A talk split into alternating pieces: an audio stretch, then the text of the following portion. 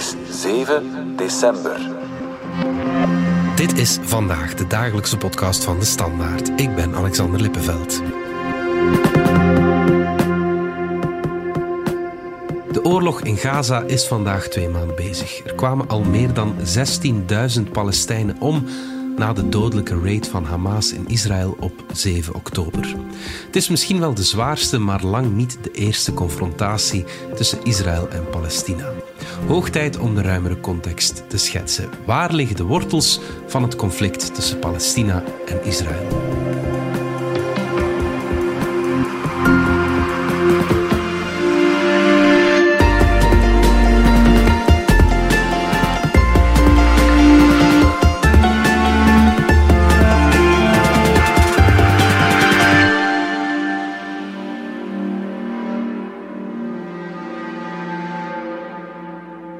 Het conflict in Gaza houdt heel veel mensen bezig. Elke dag bereiken ons beelden van bombardementen, van veel menselijk leed. Bij de aanval van Hamas op 7 oktober vielen ongeveer 1200 doden, driekwart van hen waren burgers en er werden meer dan 250 mensen gegijzeld.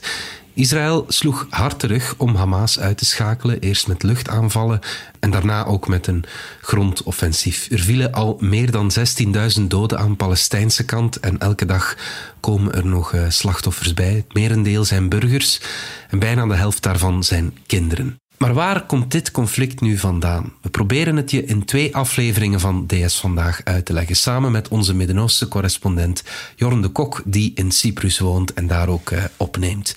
Het is natuurlijk een heel complex verhaal. We kunnen onmogelijk alles vertellen en de bril waardoor je kijkt kan tot andere interpretaties leiden, maar we gaan het verhaal genuanceerd brengen en we blijven bij de feiten. Vandaag eindigen we in 1948, na de oprichting van de staat Israël, en morgen pikken we de draad daar weer op. Jorn de Kok, om te beginnen zit je goed, want we gaan een lang verhaal vertellen hè, vandaag en morgen. Het uh, Israëlisch-Palestijns conflict is een lang verhaal en uh, jammer genoeg merken we elke dag dat het uh, nog steeds langer wordt natuurlijk, met steeds meer hoofdstukken. Maar Jorn, vandaag starten we op een plek die vaak in het nieuws is, meestal wel op een ja, iets minder goede manier.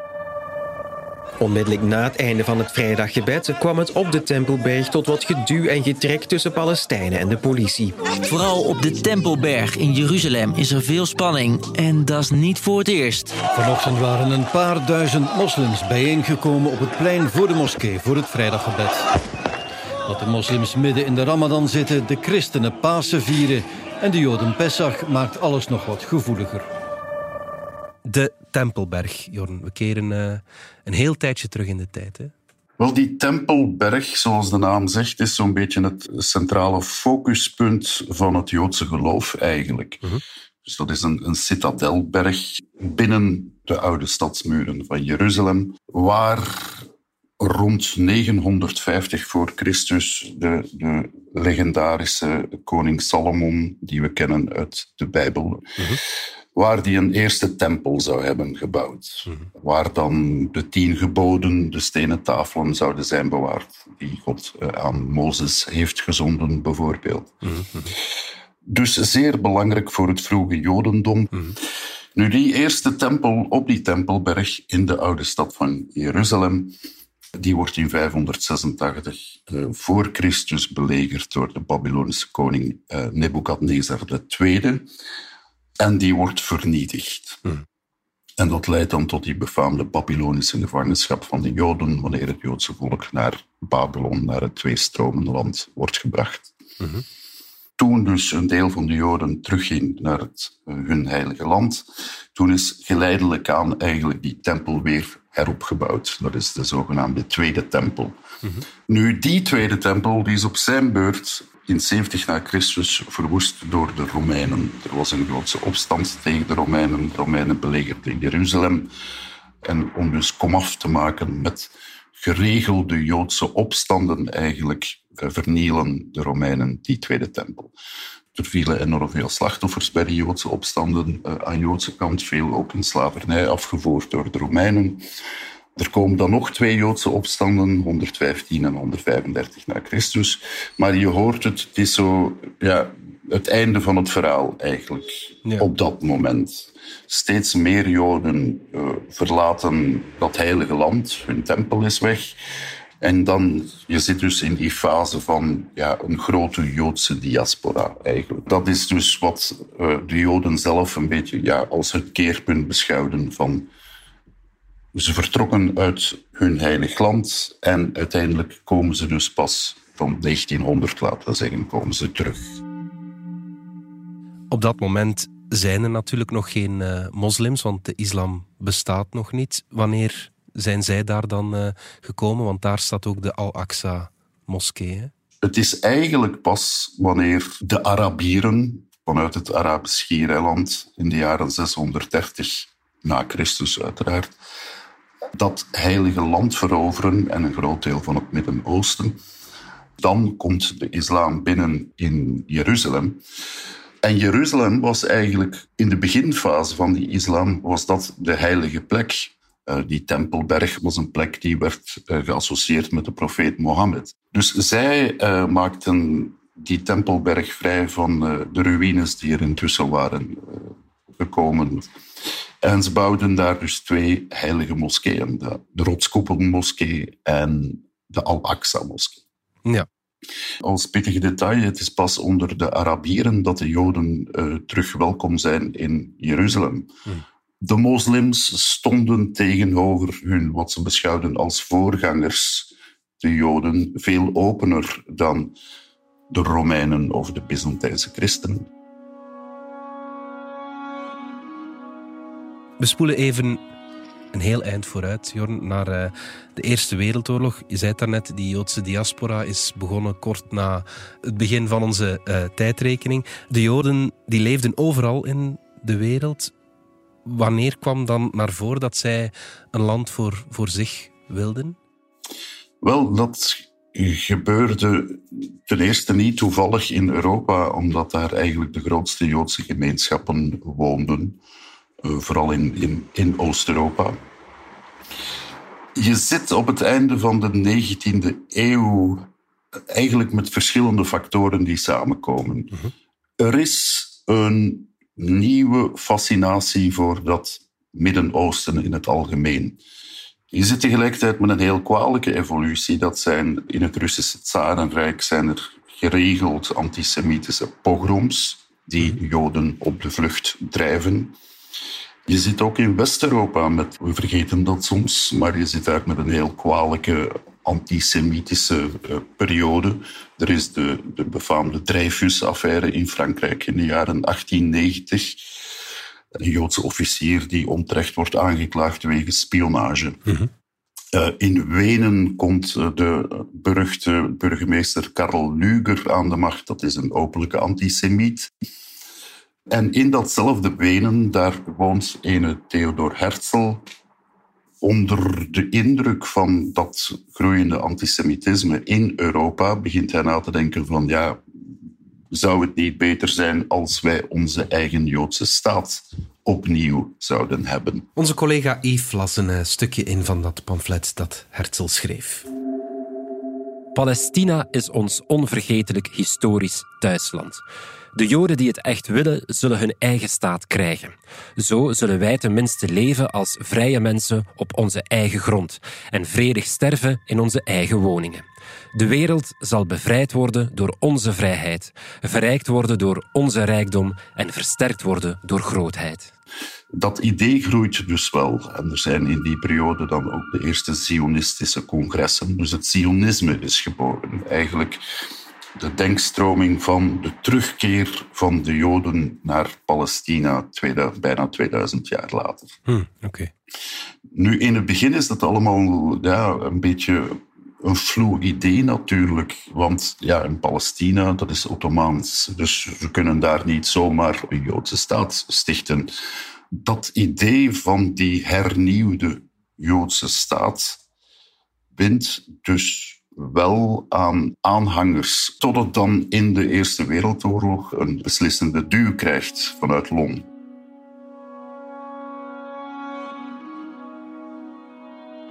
Hoe hebben de Britten de Joodse staat dan geholpen? In die Eerste Wereldoorlog zit je in het Midden-Oosten met een complexe situatie. De Britten zitten al sinds de jaren 1880 in Egypte, vlak naast Palestina.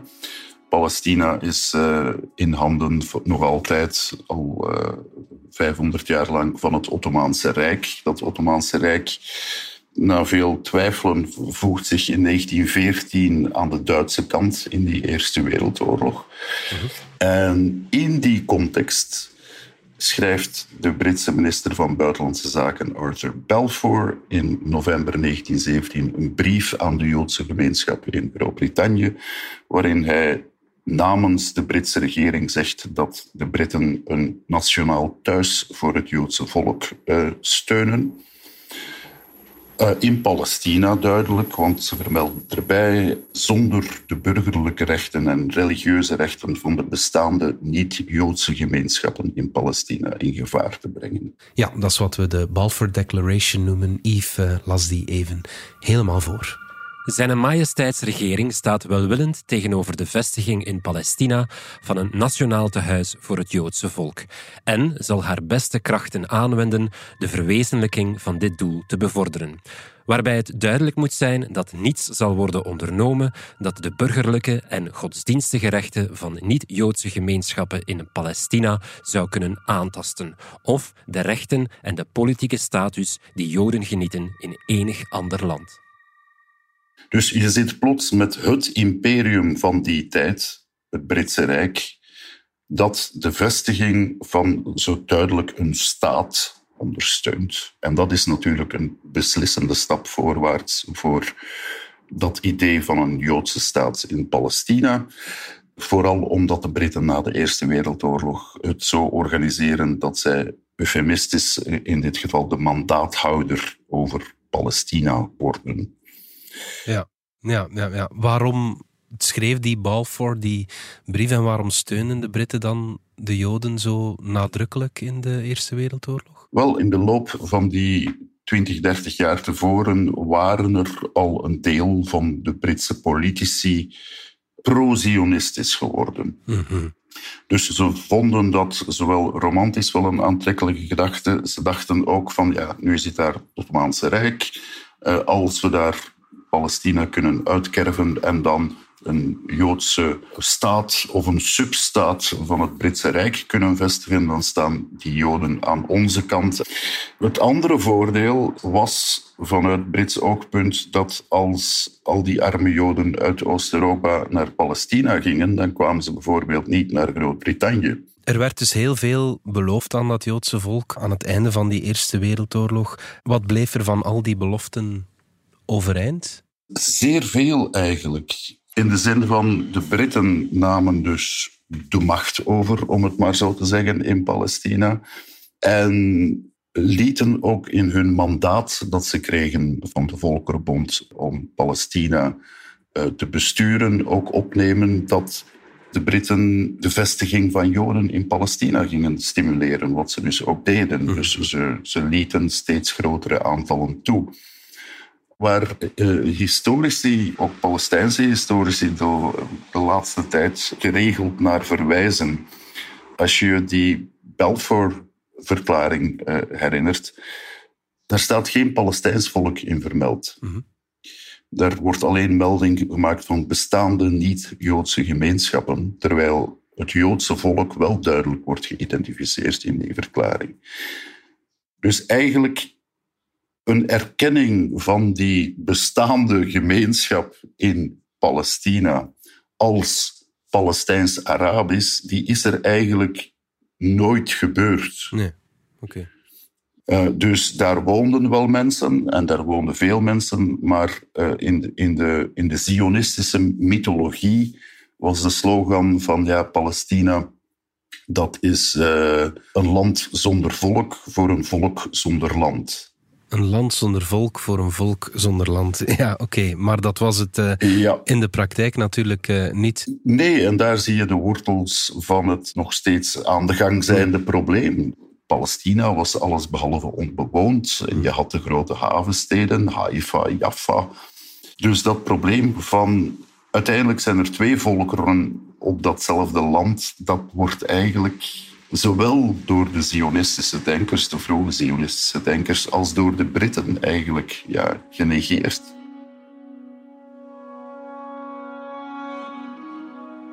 Ja, dan spoelen we een klein beetje door naar 1933. Er komt een man aan de macht die het antisemitisme meer dan aanwakkert. Adolf Hitler in Duitsland. Betekende dat dan meteen een exodus van Europa richting Palestina? Al heel snel wel, ja. Zeker onder Duitse Joden zie je dus al onmiddellijk na 1933 wel een deel van de Duitse Joden, een zeer grote gemeenschap is dat, uh, ja, die begint te verhuizen. En ze komen naar België of Nederland en een deel gaat, gaat naar Palestina. Er wordt gezegd dat eigenlijk het uh, bevolkingsaantal van Joden in Palestina in die jaren zowat verdubbelt. Nu, dat zijn nog altijd relatief kleine. Ik denk dat het in eerste instantie ging om iets van 60.000 uh, Duitse Joden. Maar aangezien de bevolking daar ook niet mega groot is, maakte dat dus wel een verschil. Dus je zit opnieuw met een volgende door vanuit Europa gecreëerde migratie naar Palestina. En legden de Palestijnen zich daar dan zomaar bij neer? Wel, steeds minder naarmate dat die aantallen opliepen, natuurlijk. In het begin is dat ja, 6% van de bevolking, dat is niet veel. Ja, als dat begint te stijgen, zo gaat dat hè, met migratie. Op een bepaald moment denkt de lokale bevolking van, ja, nu worden we zelf bedreigd. Vooral omdat de Britten openlijk die Joodse aanwezigheid steunden. En de Britten dus nog altijd de koloniale meesters van, uh, van Palestina waren. In 1936 leidt dat naar een grote Palestijnse opstand met nationale stakingen, ook gevechten. De Britten sturen 100.000 soldaten naar daar om die opstand neer te slaan. Heel bloedig, in samenwerking met uh, ook Joodse milities die zij ondersteunden. We luisteren even naar een Brits nieuwsbericht uit die tijd en naar een uh, Israëlische journalist over die opstand. The New Jerusalem, built for peace, today is the center of turmoil and riot. British patrols in the city adopt the sternest methods to keep order. The present Arab attack on the Jews is another and unhappily periodic attempt to undermine the right of the Jews to resettle in Palestine. We are persuaded that the ruinous reign of murder, ambush, arson, and poisonous incitement must be dealt with more vigorously by the British government. Na die Palestijnse opstand van 1939 beginnen ook de Britten in te zien van ja, we steven hier een beetje aan op een catastrofe af als we nu... Uh, we kunnen niet om de zoveel jaar zo'n Palestijnse opstand aan. Dus zij beginnen dan ook in te zien dat die ongebreidelde Joodse migratie naar Palestina, dat die ook nadelig voor hen kan zijn. Hm.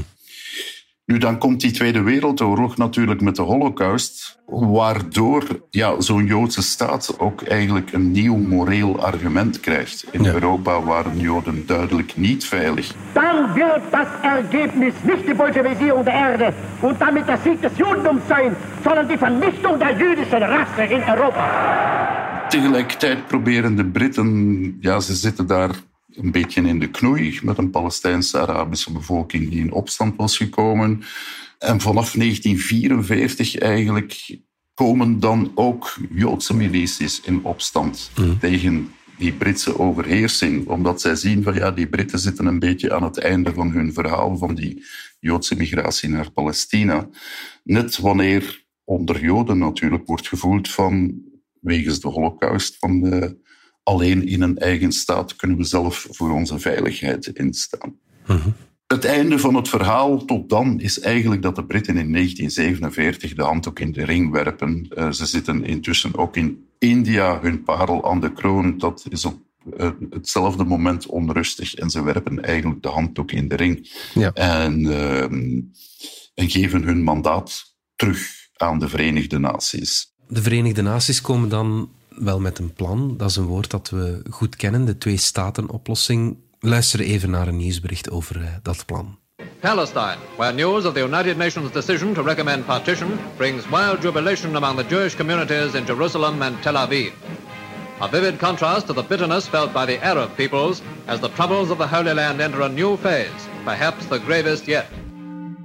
In het nieuwsbericht zeggen ze het al, de Arabieren waren ja, niet echt blij met dat plan. Het is ook nooit uitgevoerd. Hè? Wel, wat de VN alweer zonder veel inspraak van Palestijnse Arabieren, waarmee die over de brug kwamen, was een verdelingsplan. Eh, het komt er eigenlijk op neer, grosso modo, dat de Joodse bevolking, die op dat moment zo'n 40% van de bevolking is, iets meer, krijgt 56% van, van het grondgebied. En de Palestijnen op dat moment nog in de meerderheid, die krijgen een minderheidsaandeel van, van zo'n 40%. En Jeruzalem komt onder, volgens dat partitieplan, onder internationaal bestuur te staan. De Joodse organisaties, ook met enige tegenzin, maar zeer strategisch denkend, aanvaarden dat plan, omdat het was een opstap naar een aparte Joodse staat. Een grote opstap zelfs. Ze kregen ook enkele grote steden, hè, zoals de kuststad Haifa, eh, waar een gemengde bevolking eh, was. Eh, die, die ging volgens dat partitieplan naar hen. Aan Palestijnse en Arabische kant was het enthousiasme veel minder groot, want plots is er dus een grote hap die van het grondgebied wordt verwijderd. Enkele steden, die, grote steden die ze verliezen, wat vruchtbare gebieden. En ook Jeruzalem wordt plots een internationaal gegeven.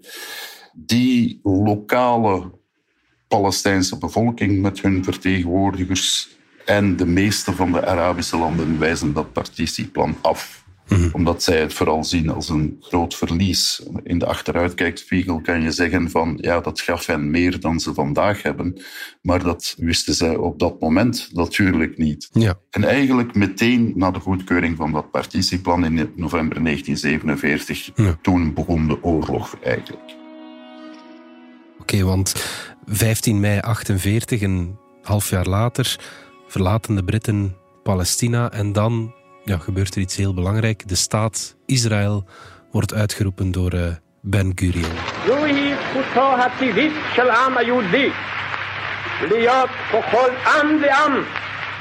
Ja, dus op, op 15 mei, maar op dat moment wordt er dus al zes, zeven maanden hard gevochten. Vooral met succes voor de Joodse milities of het pre-Israëlische leger vooral. Maar op het moment dus dat de Britten definitief Palestina vaarwel zeggen, acht David Ben-Gurion en het Joodse bestuur uh, vinden zij dus de tijd rijp om, om de staat Israël uit te roepen.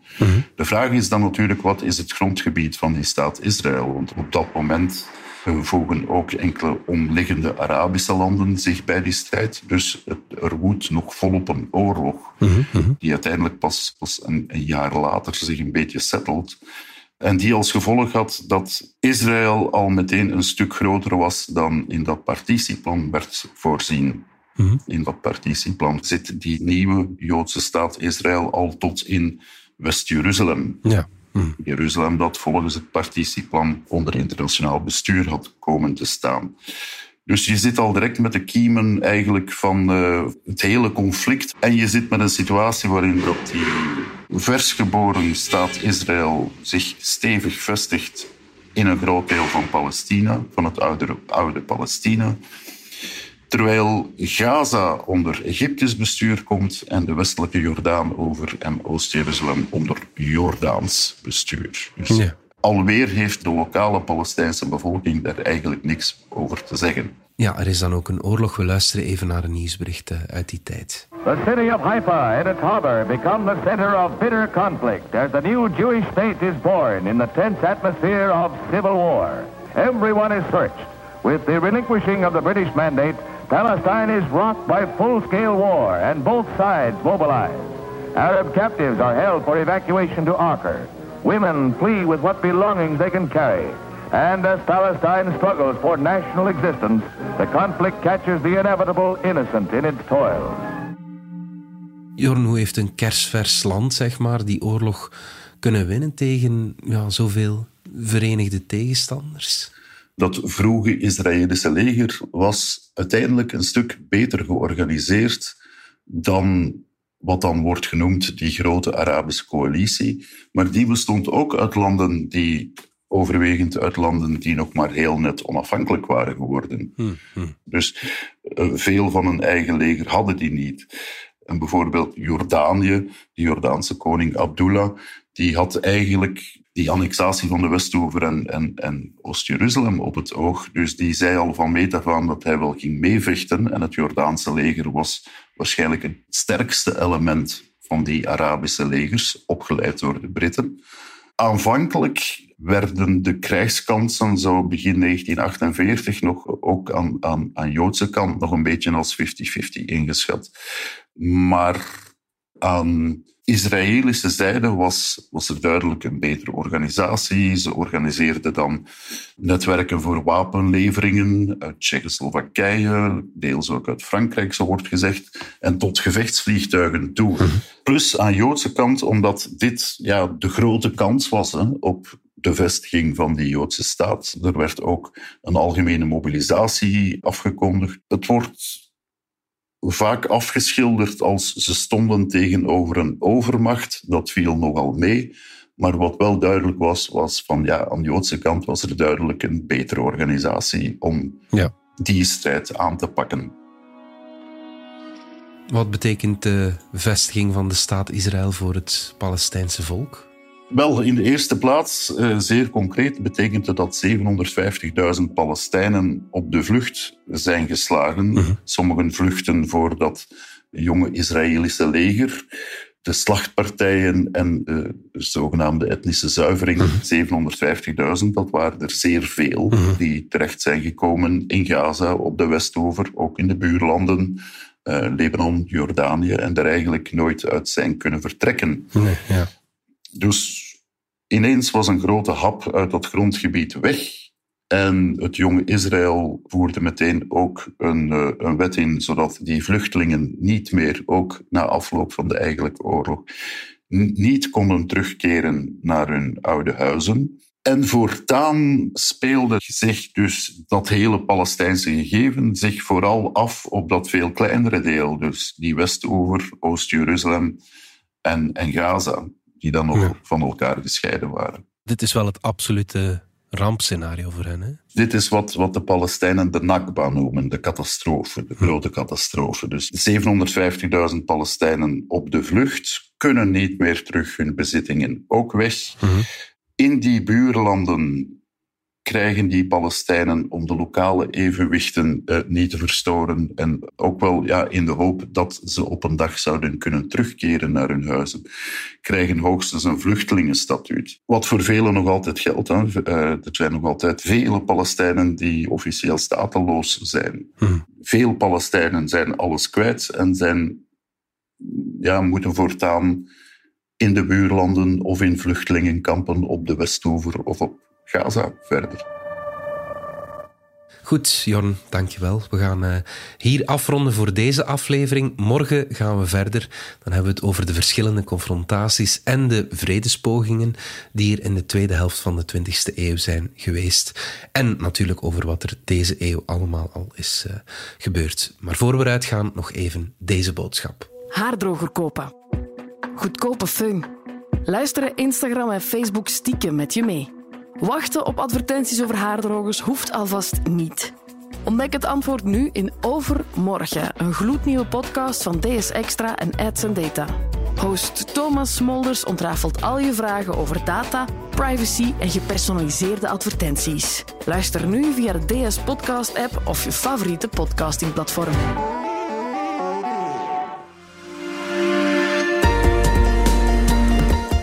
Dit was vandaag de dagelijkse podcast van de Standaard. Bedankt voor het luisteren. Volg ons op Spotify, Apple Podcast of eender welk ander podcastplatform. Of download de vernieuwde app DS Podcast, waar je ons werk en de beste luistertips van onze redactie terugvindt. Alle credits van de podcast die je net hoorde vind je op standaard.be-podcast. Reageren kan via podcast.standaard.be.